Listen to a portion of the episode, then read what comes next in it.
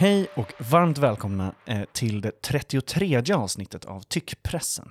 Tyckpressen är Dagens ETCs ledarpodd där jag, Max V. Karlsson, tillsammans med inbjudna gäster pratar om vad som är rätt och riktigt, bra och dåligt och framför allt kanske vad som är bra och dålig politik. Um, I det här avsnittet så kanske det blir lite lätt att prata om uh, massa, massa dålig politik, men uh, vi kommer att prata om lite bra politik också. Um, jag eh, är tillbaka i studion. Förra avsnittet var ju vårt live-avsnitt i Kulturhuset och det var ju väldigt, väldigt, väldigt roligt. Eh, det var också väldigt kul att få ta del av läsarfeedbacken, från, eller lyssnarfeedbacken från det. Eh, det var väldigt kul och vi kommer faktiskt köra live igen redan på Socialistiskt forum i november. Mer info om det sen. Um, jag sitter inte i eh, studion eh, själv, utan med mig idag så har jag Emma Fastesson Lindgren, ordförande för S-studenter. Varmt välkommen. Tack, kul att vara här. Och Fanny Jönsson, skribent, frilansskribent och eh, allmän skribent, skriver väldigt bra för mycket olika ställen. Varmt välkommen till Tyckpressen. Tack så mycket, och vad snällt. Det här ämnet idag har jag döpt till apati låter nästan som aptit. um, och, och, det vi ska göra här är att prata om um, då kanske politisk uh, apati, men också kanske politisk aptit. Vi ska prata om valet, um, vad som kanske överraskade, uh, sia lite och uh, prata om egentligen allting som hör till. Direkt efter valet så är det många, tror jag, som känner igen känslan av att jorden bara snurrar jättefort och att man är lite yr och eh, det känns som att man står i ett rum och snurrar runt, runt, runt, typ. Eh, jag ska försöka sakta ner det lite ehm, så att det blir lite mer konkret och eh, så att man känner att man typ går lite stadigt fram i alla fall. Um, min första fråga innan vi hoppar in på de här punkterna, bara som en liten förfråga. Um, vad, vad gjorde ni på valnatten? Emma, vad gjorde du på valnatten? Nej men jag var ju på Socialdemokraternas valvaka. Ja, du var på Waterfront? Ja, ja. Ah, ja, gött. Ja, det var svingött. Käkade köttbullar, mm -hmm. eh, det var gött och sen så vände det där mandatet och jag bara, ja ja, det kommer tillbaka. Sen gjorde inte det. eh, spoiler, vi ändå på efterfest. Exakt, spoiler, det gjorde inte det. Ja, exakt. exakt. Det kom inte tillbaka. Eh, Fanny, vad gjorde du på valnatten? Um, men min eh, valkväll skulle jag säga delade jag upp på lite olika sätt. Jag var dels på Cyklopen, eh, vilket var asfett, eh, och var där en liten stund. Eh, sen så tittade jag ju också på valvakan med dig Max yep. eh, och några vänner till oss. Och sen eh, åkte jag hem eh, och var så här, ah, S, alltså den rödgröna sidan kommer ändå vinna. Och sen så när jag kommer hem i min ensamhet så sitter jag där i svärtan och ser hur det blåbruna blocket vann. Eh, så jag satt hemma och grät sen. Ah. Själv. Fy fan. Det är, så, det är ju... Eh, Ja, och jag eh, höll koll på allting eh, cringe online. Jag jobbade ju lite och sen så hade jag eh, några vänner och chips över också, eh, som, som sig bör. Um, men, och skrev en första kommentar egentligen från den kvällen eh, innan det var färdigt över, om, om hur det skulle bli. Eh, men där jag egentligen eh, skrev lite grejer som jag tycker fortfarande håller. Typ att eh, Sverigedemokraterna är den nya högern. De krossade alliansen. Eh, de gamla allianspartierna samlar ju 36 procent av rösterna. medan Sverigedemokraterna då är hela och enda skälet till eh, varför nu då det ser ut som att Ulf Kristersson kan tillträda. När man kommer hem från festivaler, då mår man ju nästan sämre än liksom de värsta bakisdagarna på själva festivalen. Alltså typ så här, dagarna bara efteråt, att man är liksom festivalbakis på ett sätt. Eh, jag kände också likadant efter Almedalen i år, att man är så här helt eh, körd i huvudet. Um, är ni lite festivalbakis fast valbakis då? Nej. Inte? Nej men, alltså jag, jag, nej, men jag tycker verkligen att man ska ta i akt här att eh, eh, när vi hade det här mandatet, då låg vi på 29% Socialdemokraterna. Mm. Och så var man så ja ah, men vi kanske hade varit gött om vi var på 30. Sen så hamnade vi på 30 och missade mandatet. Mm. Alltså jag tycker ju att det jag såg under valrörelsen var ett otroligt taggad socialdemokrati och det blev ju också resultatet. Sen så kan man, jag är så här otroligt besviken att vi har förlorat regeringsmakten, men jag är otroligt stolt över det vi gjorde. Och om man bara kollar på studentförbundet och de som var ute och knackade dörr och lagade våfflor till bland annat då studenterna på Karlstad universitet. Om vi kollar det valkretsen där, mm. ja men då har vi ju ett resultat där sossarna får 42 procent. alltså, och sen då om vi går vidare då och kollar på, på studenterna överlag, ja men då, ligger de, då är vi största parti. Eh, och eh, om vi då tar vår då val, vårt regeringsunderlag, ja men då landar vi på 55 procent.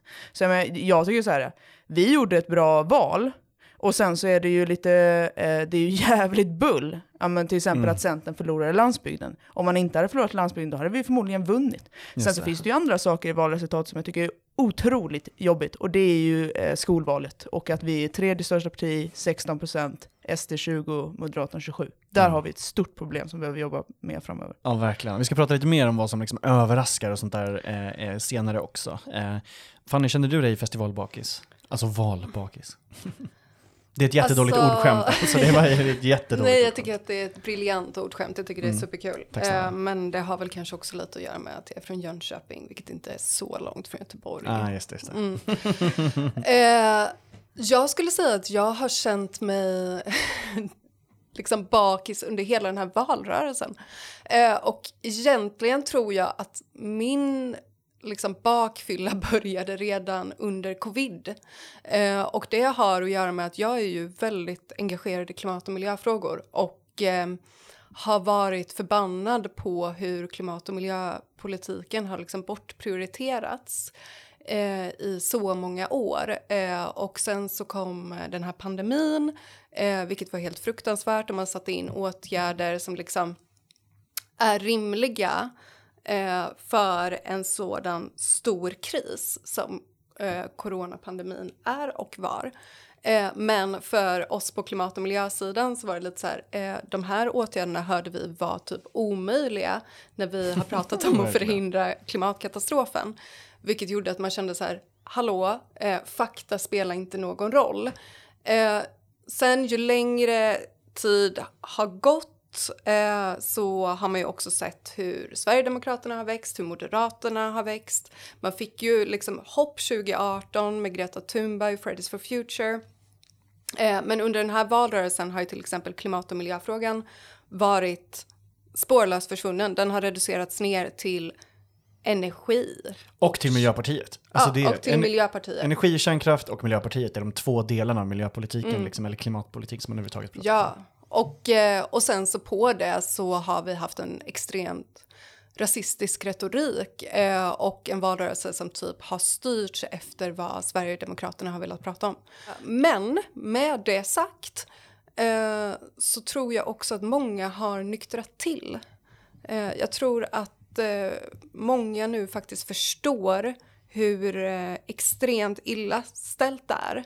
Eh, och det, hur man inte kan saker, ta, ta saker för givet. man kan inte ta mm. saker för givet. Demokratin kan man inte ta för givet. Demokratin är någonting som vi behöver kämpa för varje dag. Eh, och jag tror att eh, det här är en viktig självrannsakan eh, och att vi nu behöver verkligen prata om hur gör vi för att ta tillbaka eh, välfärden och, ja, och vinna. politiken. Ja, ja, men precis. Och vinna ofta bara. Alltså, så här, för jag tänker ja. att det ingår, ju, eh, det ingår i demokratin att förlora. Liksom. Mm. Eh, det gör det ju. Och ja, på förhand så var det ju faktiskt så att alltså, det är extremt ovanligt att en, en regering sitter tre mandatperioder. Och även om Magda gjorde sitt allra bästa för att säga att jag tillträdde bara för nio månader sedan, så är ju socialdemokratin har ju suttit betydligt längre än så. Och jag menar, hon var finansminister, så att det var inte så att hon liksom, ja, men, varken varit utan ansvar eller var ny på jobbet på det sättet. Liksom. Eh, nej, men så att redan på förhand så var det ju tyckte jag, väldigt osannolikt att det skulle bli en rödgrön vinst. Eh, rent statistiskt liksom. Eh, eh, och sen då så eh, verkar det som att det som har räddat upp det har varit eh, eh, eh dels då ett väldigt, väldigt starkt förtroende för Magda, för Magdalena bland, bland väljarna.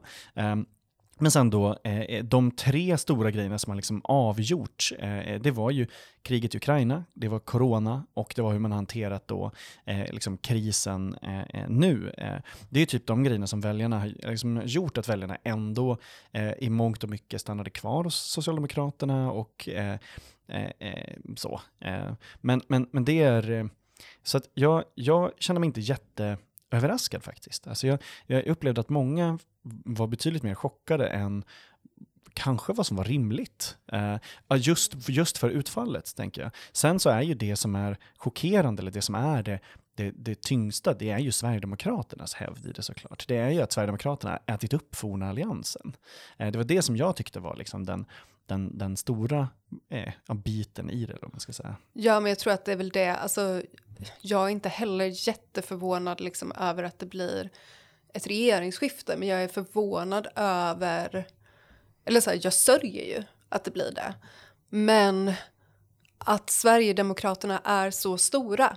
Det är väl det som är liksom, samtidigt vi har sett det komma, det har inte varit förvånande så, men det är liksom den här käftsmällen att de nu är näst största parti och som du sa Emma, att liksom de är så stora bland förstagångsväljare och i skolval. Mm. Eh, och där har vi ett, det tror jag var det mest överraskande. Ja, det är ju alltså, egentligen så här, men vad är det som gör att högern är så stark bland unga? Vad är det som gör att man att de unga tror att ja, om jag får en skattesänkning så kan jag köpa min första lägenhet? Och jag tror tyvärr att det handlar om att man inte har eh, prioriterat eh, de unga. Alltså, jag, är, eh, ja, jag är ordförande för studentförbundet så jag kan ju skryta om mina akademiska meriter. Mm. Liksom, jag har ju gått på Handels, jag har en master, jag eh, jag och mina klasskamrater har väldigt svårt att få tag i en bostad. Mm. Vi tvingas in i en bostadsrättsmarknad och eh, har då fått väldigt stora lån. Och sen så nu så eh, höjs räntorna också. Det är ju helt eh, absurt att mm. vi inte har lyckats eh, bygga mer. Och så, jag vill bara säga en sak till. Att, du får säga hur mycket du ja, vill. Ja, men nu är jag igång här. Jag igång. Nej, men om vi då kollar på vad man har gjort under mandatperioden, då har vi så här, Eh, vi har aldrig haft så många miljardärer i Sverige som vi har nu. Vi har ett skatteparadis för kapital. Mm -hmm. Okej, och så har vi det här studieomställningsstödet. Vad gör vi då? Ja, men då höjer vi räntan på CSN för de nyexaminerade studenterna. Alltså herregud, jag är ju inte alls förvånad att de studenterna väljer ett annat alternativ där de säger vi sänker skatten och så blir allting bra för dig. Nej, nej, nej, alltså vi måste ju börja vara på de unga sida, alltså framtidens sida. Och det gäller ju inte bara i klimatet när vi säger ja men åk upp till Luleå och skaffa ett jobb. Nej, nej, nej, nej, nej, nej. Alltså nu är det ju dags att det är eh, samla, skola, påverka, se till så att alla de här kidsen som nu SSU och S-studenter har värvat verkligen kommer in, eh, anammar den socialdemokratiska... Stanna kvar. Ja, stanna kvar.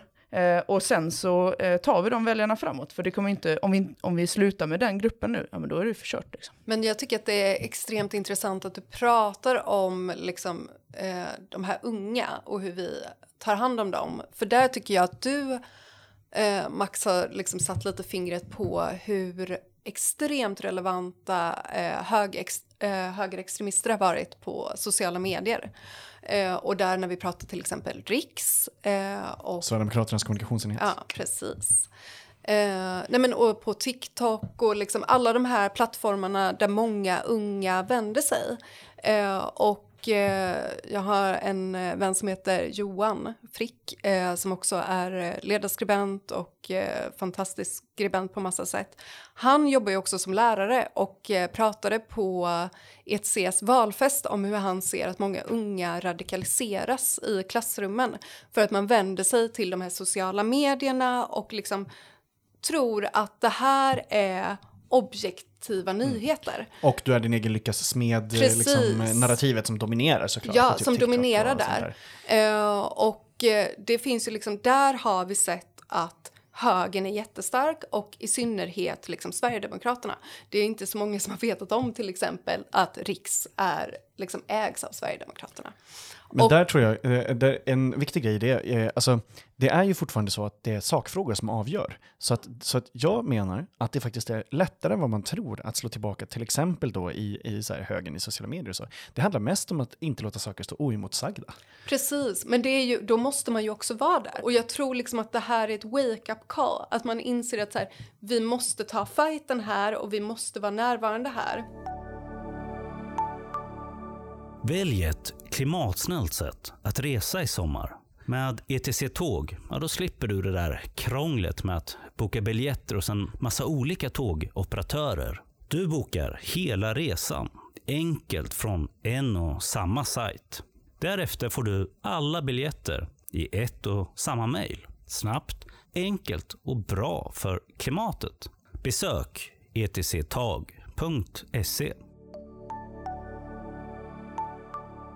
i, eh, tisdags så var jag i posthuset i, i centrala Stockholm och lyssnade på när SVT presenterade eh, mer detaljerat då, siffrorna från Valu. Eh, det var alltså valundersökningen som SVT gör tillsammans med Göteborgs universitet. Ehm, och det var väldigt kul, det var en väldigt härlig presentation, eh, eh, även om det var, för det är intressanta siffror och sådär, en del är såklart deppigt och så. Men vissa grejer var jätteroliga, som att de sa att det parti som alltid förlorar mest väljare, alltså varje val, det är Liberalerna. Och då var det en av de forskarna som sa så har det varit i alla val jag har tittat på.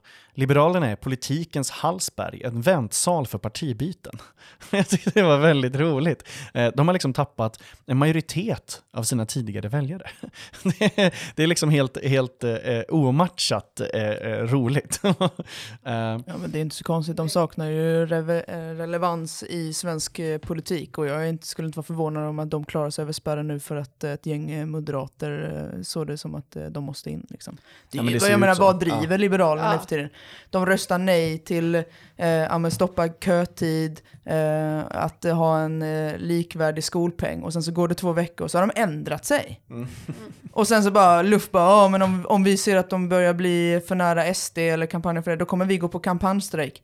Ja, jag frågar fortfarande, var var den där kampanjstrejken? nu säger eh, Lufs eh, tidigare ordförande, eller ordförande som nu ska avgå, ja men jag fäller en regering eh, där eh, SD sitter. Ja men hej, eh, RK-tjänstemän, hej, budgetsamarbete. Alltså, det, det, stor, det, det sorgliga är ju att de är ju inget parti, det finns ingen idé och de är liberaler. Mm, liberalerna. Eh, Eh, det, var, det var fanns massa grejer som var intressanta, men eh, lite som vi pratade med unga också, så jag tycker att alltså, eh, man ska inte heller agera som att det här aldrig har hänt förut, eller att det är massor av frågor som, som aldrig har besvarats förut i det här. Eh, man, man, lyfte faktiskt det på Valun, eh, alltså när man presenterade den, att man, man kunde se en liknande högervåg bland eh, de yngsta väljarna eh, 1991 i valet. För att det var väldigt många unga som röstade på Ny Demokrati då. Mm. Och eh, så att då föreslog de att man skulle gå tillbaka och titta på hur det såg ut, hur samhället såg ut, hur, hur det var, eh, för att då förstå den här eh, vågen mer, men också då hur samhällsagendan spelar in i det. Alltså, det är ju inte så att unga är en mer homogen grupp än någon annan åldersgrupp. Så därför så är det svårt att vara chockad över liksom, unga gement. Liksom. Eh, eh alltså, eh, på samma sätt skulle man i så fall bli chockad över eh, hur, hur olika pensionärer röstar. Eh, trots att någon kan vara sjukpensionär och någon bor i en mångmiljonsvilla i Danderyd. Eh, men, eh, och sen så påverkas unga såklart jättemycket av vad deras föräldrar tycker. Om det är en högervåg i samhället då, eller samhällsdiskursen är höger, då kommer det spegla av sig och sådär. Sen är man också en pendel mot samhället i hur det är. Om det är åtta år under, där allting, det mesta då har blivit sämre för många unga eh, materiellt, men även kanske många som, som är trötta på liksom, eh, ja, men löften och så blir det inte bättre och sådär. Då kommer man slå tillbaka mot de som man upplever har styrt, och det är, eller de som har styrt, och det är ju Socialdemokraterna. Liksom. Eh, men det som är där är intressant var att Valu beskriver det väldigt tydligt som en dragkamp. Alltså det här med vad människor överväger och vad det är som då till slut gör att man röstar på ett visst, eh, på ett visst sätt. Ehm, och där är det ju allt mindre plånboksfrågor. Det är plånboksfrågor nästan bara för två partier. Det är, det är framförallt Moderaterna och Sverigedemokraterna som röstar i högre grad efter egen plånbok. Ehm, men det speglar sig också då av i unga manliga väljare där M och SD har en majoritet av rösterna bland unga manliga väljare. 52 procent! Uh, mm. Härligt! Och, och eh, så. Men, men att det som avgör för att man ska förstå skillnaderna mellan de här olika grupperna, det är vilka prioriteringar man gör, vart man personligen då står i sakfrågorna och, och sådär. Och här hittar vi också då könsskillnaden. Skillnaden som ökar mellan män och kvinnor väldigt kraftigt. Um, men även då eh, eh, ja, men här, vilka frågor som har dominerat i valrörelsen. Valu beskrev det officiellt som att det hade varit en mer manlig valrörelse. Och Det betyder alltså eh, eh, vilka frågor som fick prägla de här eh, månaderna av valrörelse som kändes som både lång och, och kort på samma gång. Jag vet inte om ni, ni också tyckte det, men jag tyckte valrörelsen kändes extremt lång och väldigt, väldigt kort samtidigt. Eh, men eh, bland, bland män så är de tre viktigaste politiska frågorna lag och ordning, energi och kärnkraft och sjukvård i den ordningen. Bland kvinnor så är det sjukvård, skola och sen jämställdhet mellan könen. Eh, och det här är alltså topp tre vad man tycker är viktigast. Det är en enorm skillnad. Um, Så att här har man också då, man har också olika tyngdpunkt i hur viktigt man tycker att NATO är. Eh, kvinnor är mycket, mycket mer emot vinstdelning. Eh, men kvinnor är också faktiskt mer emot kärnkraft eh, än, än vad män är, alltså aktivt emot. Eh, och det här påverkar också då eh, eh, när, när det är så att valrörelsen domineras då av de manliga narrativen, eller de mer manliga eh, eh narrativen i det här, då glider de här grupperna ännu mer isär åsiktsmässigt. Eh, så att nu vill jag liksom höra vad, vad, ni tycker om, eller vad ni tänker om det här med liksom, eh, de ökade könsskillnaderna eh, eh och så här, ja, men tycker ni, eh, håller ni med val om att det har varit en manlig dagordning i liksom valdebatten? Nej. Nej. Nej. Men det där, det där tycker jag är så himla märkligt att, okay, så absolut vissa eller majoriteten av kvinnor tycker det här och det andra. Men jag är ju emot att säga så här, ja men det där är en kvinnofråga och det där är en mansfråga. Absolut. Eh, sen så kan man ju kolla på grupperna specifikt, alltså grupperna, men inte när man tittar på individen liksom. Mm. Men också, det, det, kanske är, alltså jag, jag tänker att det nog är materiellt också. Alltså i, i hur eh, kvinnor liksom vilka villkor och, och, jobb och yrken som, som kvinnor har och att det påverkar den där också. Jo, det, det, det ja. tror jag är med på om man då kollar på ja, Kommunals medlemmar och sådär. Till exempel. Ja. När vi pratar representation också, eh, vilka är det som har representerat det blåbruna blocket och vilka är det som har äh, representerat det rödgröna blocket? Eh, och jag undrar så här de frågorna som har drivits mer av den rödgröna sidan om man ska tänka liksom att man röstar på personer som representerar en själv, som man känner igen sig själv i, så är det ju en dominans av kvinnor på den rödgröna sidan. Eh, och det är en dominans av män på den blåbruna sidan. Eh, kan det där också ha spelat in? Eh, det är ju sådana saker vi måste också tänka på när vi pratar representation. Eh, och när vi pratar representation i sociala medier och så vidare. Eh, men jag vet inte, jag tycker också att det är lite svårt att dra att bara dra slutsatser eh, från de här frågorna. Jag tror det är väldigt mycket liksom också tidsandan, vad är det som domineras och liknande. Det jag hade velat verkligen prata om i den här valrörelsen eh, som jag tycker bara blir tydligare och tydligare är ju att det känns inte som att fakta betyder någonting längre. Just det. Men det gör det väl inte? Eller alltså alla har ju olika fakta och liksom eh, ja, fast... eh, framförallt så är det ju att alltså, det, det, var, ja, det, det är inte så att det är eh, det är svårt att tänka att fakta ska eh, övertyga någon rakt av nu. Alltså så har det varit de senaste tio åren kanske? Eller? Ja, men det är ju ett problem. Hur, liksom, när, om vi kommer till en plats där vi aldrig någonsin utgår ifrån samma forskning, samma statistik, då kommer vi, liksom, det förvirrar ju väljare väldigt mycket. Vi kommer aldrig kunna ha ett rimligt politiskt samtal. Och där kan man titta på liksom klimat och miljöfrågan, eller bara så här hur man har pratat om energifrågan i debatterna. Man har inte ens kunnat enas om vad problemet är. Eh, och där, så här, det där är nog en av de största grejerna som gör mig deprimerad med det här valet. Det är liksom att vi kan aldrig utgå från samma faktaunderlag. Men jag tänker till exempel om vi pratar om kärnkraft här, mm. eh, vilket är någonting där man ändå får utgå från statistik och forskning och det är extremt viktigt. Eh, och där har vi ju statistik på att det i Europa har tagit mellan 10 till 15 år att bygga ny, liksom ny mm. kärnkraft. Då säger liksom vissa partier nej, det är inte sant. Mm. Det kan ta längre tid, eller det kan ta kortare tid. Moderaterna säger att de ska bygga ja. en ny kärnkraft på 100 dagar. Ja, 100 dagar. Eller på ETCs valfest så sa KDs representant där att det ska ta sex år. Man mm. bara, ja fast det där är statistik från diktaturer. Och jag hoppas nice. att vi inte kommer ha de arbetsvillkoren i Sverige. Och liksom kan vi också prata om det faktum att Frankrike fick lägga ner flera kärn, äh, liksom kärnreaktorer i somras på grund av att det var för varmt. Kan vi ta in det faktumet i den här valrörelsen och sen att vi måste minska utsläppen med 20 procent redan i år? Och när vi pratar om det och har det här statistiska underlaget som kommer från FN, den samlade klimatforskningen, varför pratar vi då kärnkraft som sker om 10 till 15 år? Det är där för mig det blir en sån enorm diskrepans liksom mellan det politiska samtalet och den fakta vi har. Jag, jag håller helt med. Eh, eh, och, och de lyckas ju i den frågan, men de gör ju det för att då eh, motsatta sidan och regeringens eh, liksom lag, eller Magdas lag, eh, eh, inte satte emot tillräckligt hårt i att säga ja, de bluffar, men här är hur vi vill göra det bättre för dig. Problemet med energin är väl att det är dyrt.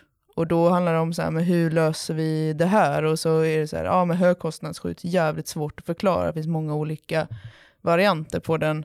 Eh, och sen när det gäller kärnkraften, ja det är ju jättekonstigt att gå emot någon när man säger det här kommer ta, det här kommer ta 15 år. Nej, det kommer ta 6. Så det blir ju, ja, det blir ju jättejobbigt, men alltså högens valrörelse har ju också till stort, stora del gått ut på att säga att till exempel vi vill införa fastighetsskatt. Ja, exakt. Det, har Men varit, det är det har varit lögner. lögn. Ja, men, men de står ju rakryggat i det. Så ska, Ja. man, man kan ju lära sig någonting av det. Att stå rakryggat mot så kommer det stå kvar. Liksom. Fast man får ju vara rakryggad och säga fakta. Alltså jag kan inte leva i en värld där vi ska liksom ha ett politiskt samtal som bygger på lögn. Mm. Och eh, det är liksom, ja, någonstans Relativ måste- sanning. Ja, relativ sanning. Ja, men jag, liksom, även om SD har sina propagandakanaler och så vidare och Svenskt Näringsliv liksom pumpar ut lögner eh, i form av rödgrön röra, eh, som du har gjort bra granskningar på Max, eh, så är det ju liksom vi vi måste ju någonstans också stå för en politik på den andra sidan som bygger på faktaunderlag och på vad väljarna vill och behöver och vara rakryggade i det och tänka att det här måste vinna eh, och att vi ska tro på det. Sen får vi ju jobba med hur vi når ut. Eh, men det är ju så fruktansvärt sorgligt att man kan stå och liksom sprida lögner, till exempel om fastighetsskatten och sen liksom vinna på det. Jag stod i eh, klimatdebatt med de andra studentförbunden och de bara ja men vi har, eh, det har ju kommit ut ny forskning som visar på att det är högen som har bäst klimatpolitik. Ja den kommer ju från Timbro liksom. Ja. Men det här har ju, det här har ju pågått i flera år och sen så, Så möter jag typ muffare som bara ja men har du hört talas om Lafferkurvan? Jag bara ja jag har en kandidat i nationalekonomin och eh, sorry grabben den är inte så jävla träffsäker. Nej, dessutom, men dessutom, fråga vad, vad Laffer eh, tyckte om minoriteter och om kvinnor. Det, det är ännu roligare. Eh, han, var ju, han hade minst sagt spännande åsikter i de frågorna. Eh, jag säger till lyssnaren, googla. Eh, jag ska säga också, eh, det var också en lite kul grej bara som jag måste säga som, som Mona Sahlin sa eh, när vi pratade igår. Nej, men, eh, hon sa också att, hon sa att, man tycker att, eh, att hon tycker att man måste bli bättre på att skälla ut väljare. För- alltså väljare som har fel. Eh, hon tycker att eh, man, man direkt när man pratar med väljare säga nej det där stämmer inte, du har fel till liksom enskilda väljare och inte liksom pamper och, och så. Inte att man bara ska göra det, men hon sa att man är liksom för rädd för att göra det, framförallt mot typ rassiga väljare. Eh, och, och så, att så här, säga det där håller inte, sluta, sluta gör sådär. Och jag är rätt mycket för det där också. Att, alltså, ett av mina bästa sådana, så här, när någon säger något dumt, det är att säga nej, du har, det stämmer inte, du har hittat på eller det där är fel. Eh, och många gånger så vet de inte hur de ska svara. Vill du spara och samtidigt göra världen lite renare? Då har ETC tagit fram en lösning för dig. Vi har startat ETC Bygg för att få igång byggande av hyreshus utan vinstjakt, utan miljöförstöring och med lägre hyror. Spara direkt till husen till 2 ränta. Läs mer på etcbygg.se. Eh, jag tror att det som är den stora liksom, lärdomen från den här valrörelsen är att vi måste bli bättre på att organisera oss. Vilka menar du med vi? Vi som inte vill att SD ska få mer inflytande. Vi eh, och kanske då. inte liksom, de borgerliga ska få mer inflytande utan vi hade velat ha en annan regering. En rödgrön regering En annan värld. en annan värld. Nej, men vi måste faktiskt tänka på hur vi organiserar oss och hur vi engagerar oss och att det handlar om rörelsen, inte vi som individer bara utan att vi bygger starka rörelser med stadgar och liksom organiserar oss som vi gjorde back in the days och inse att det kommer kräva tid, det kommer ta- kräva uppoffring, det kommer kräva att vi lämnar storstäderna. Men då kanske det var bra att man förlorade det då. Alltså då får man ju lite tid att göra det. Ja, det... Man har ju inte varit intresserad uppenbarligen av de här liksom under de senaste åren. Jag vet inte Har man varit det. för lat i det? Nej för fan, jag har inte varit för lat. Alltså, jag har rest land och rike inget- runt. Nej inte- men jag vet ju vem det är. Jag vet ju vem Ja. det är. Man, ja, men så här, har vi varit närvarande? Har vi, Har vi eh, socialdemokratiska föreningar runt om i landet? Ja, det har vi. Och de föreningarna har bedrivit ett otroligt starkt val. Eh, och jag tror aldrig att vi har haft en sån valrörelse nu där vi eh, har gått fram, liksom, där vi har varit så många som har knackat dörr, Mm. eh, långt fler än förra valet, och vi, och vi går framåt då. Eh, Men hur till gör man över då? 30 procent. Ja, men då, Ja. då, gör men då, då i då, får man? Men ja, då tror- får man ju bjuda in då Miljöpartiet och Vänsterpartiet och berätta för dem hur man organiserar sig. för att ja, men, någonstans Ja, bara så här, absolut, absolut. hallå gänget. Mm. Och nu vet jag att Vänsterpartiet har varit kritiska mot eh, oss för sin valrörelse. Och jag mot tror sig att de behöver- själva. Fan vad duktiga de är på att Ja, skjuta sig själva i... eh, Ja. De, ja, men det är uppenbart, uppenbart vi, behöver, vi i, på vänstersidan behöver bättre organisering. Ja, min dörr på Sveavägen 68 står alltid öppen. Min dörr står Knox. också alltid öppen. Ja, fast Sveavägen är Fort Knox, alltså fan det är, det är svårt att ta sig in där. Har du ringt mig eller? Ja, exakt. Nej, men jag, det jag tänker mer på är väl kanske de passiva eh, personerna som har röstat som är så här, gud, vad ska jag göra? Hur ska jag organisera mig? Det här Absolut. är liksom, jag eh, behöver göra mer än att dela bilder på sociala medier. Fan, jag ska släppa iväg det alldeles strax, men jag ska Mm. bara säga att det, man kan vara lite hoppfull också. Intresset för politik och valet är väldigt stort, det är i princip alla grupper. Ehm, det, folk vill veta. Ehm, valvakan, eh, eh, som SVT hade, var den mest tittade någonsin med 4,2 miljoner tittare. Ehm, vilket är helt, helt crazy. Eh, ja, och 2,7 miljoner eh, startade strömmar i Play. Eh, SVT Play, vilket är liksom helt eh, crazy. Man har slagit alla rekord. Eh, även på måndagen eh, så hade Morgonsoffan över en och en halv miljon tittare eh, på morgonen efter. Så det finns ett jättestort eh, intresse för det här. Eh, och innan du går bara Fanny så skulle jag bara eh, vilja jätte, jättesnabbt fråga, finns det något som du vill tipsa Tyckpressens lyssnare om? Jag brukar alltid fråga alla gäster innan man eh, smiter, precis vad som helst. Jag vet att du tog med dig till exempel en diktsamling. Mm, ja, nej, men jag tror att eh, vända sig till litteraturen eh, för hopp. Vad är det du har med dig Fanny? Jag har med mig två diktsamlingar av Bruno K. Öijer Mm. eh, och det känns oerhört pretentiöst. Eh, och, Man får vara pretentiös i eh. Ja, men jag vill också bara säga att jag tittar på eh, liksom, Keeping Up With The Kardashians och sådana saker också. Just det. eh, men det som heter, låt mig eh, hitta rätt eh, dikt så Absolut. kanske Emma kan säga vad man kan hitta inspiration under tiden. Emma, vill du eh, tipsa Tyckpressens lyssnare om någonting? Precis vad som helst. Eh, Winston Churchills biografi, den som är tusen sidor, är en fantastisk bok. När han själv, när han skulle då, de, de spenderade ju alldeles för mycket pengar i familjen Churchill, så då skulle de börja dra ner och skicka en sån här lapp till sin fru. Bara okej, ingen mer champagne. Och bara fyra cigarrer om dagen. Och ingen fisk eh, när vi bara är själva. Men det som också är väldigt intressant i den här boken är ju att man förstår att han är ju en väldigt mycket mer komplex person även när det gäller policy. Alltså bland annat så tycker han ju inte att man ska få tjäna pengar på att sälja vapen. Intressant. Och eh, en annan grej ju, eh, som jag tycker är otroligt roligt, det är ju att han var för fastighetsskatt. Säg inte det till Snyggt. Moderaterna, de kommer gråta. Ja, det. Ja. Fan vad kul. Eh, jag hittade en dikt som jag tycker är väldigt fin, men jag rekommenderar allt med Bruno K. Jag rekommenderar också att gå in och lyssna på honom på YouTube, för han är en fantastisk performer. Mm, nu vill vi höra. Eh, Lindring heter den här dikten. Den är från eh, Och natten viskade Annabelle. Världen är stor, obegriplig. Inget här var vårt från början. Vi har stulit allt. Och tror att vi kommer undan. Måste tro att vi kommer undan. Och ibland är allt enkelt. Ibland är det bara en gammal countrylåt som kan skänka lindring. I miss you darling, you made the world go away. Mycket bra, fan vad kul. Det är första gången vi har eh, högläsning av poesi i Tyckpressen. Jag är mycket, mycket glad över det där. Ah, Ehm, med, det eh, när man bjuder in pretton. ja, jag kommer göra det oftare. Eh, med de orden så avslutar vi det här avsnittet av Tyckpressen. Tusen tack för att eh, ni var med båda två. Tack så jättemycket.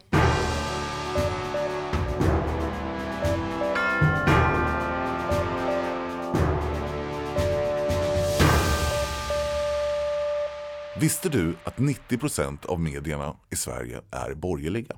Samtidigt har extremhögern byggt upp en hel pamflett av propagandasidor. Dagens ETC är dagstidningen som ger hopp och ryggrad att stå emot den blåbruna sörjan. Sveriges enda röda dagstidning för en grönare värld. Testa att prenumerera idag på etc.se.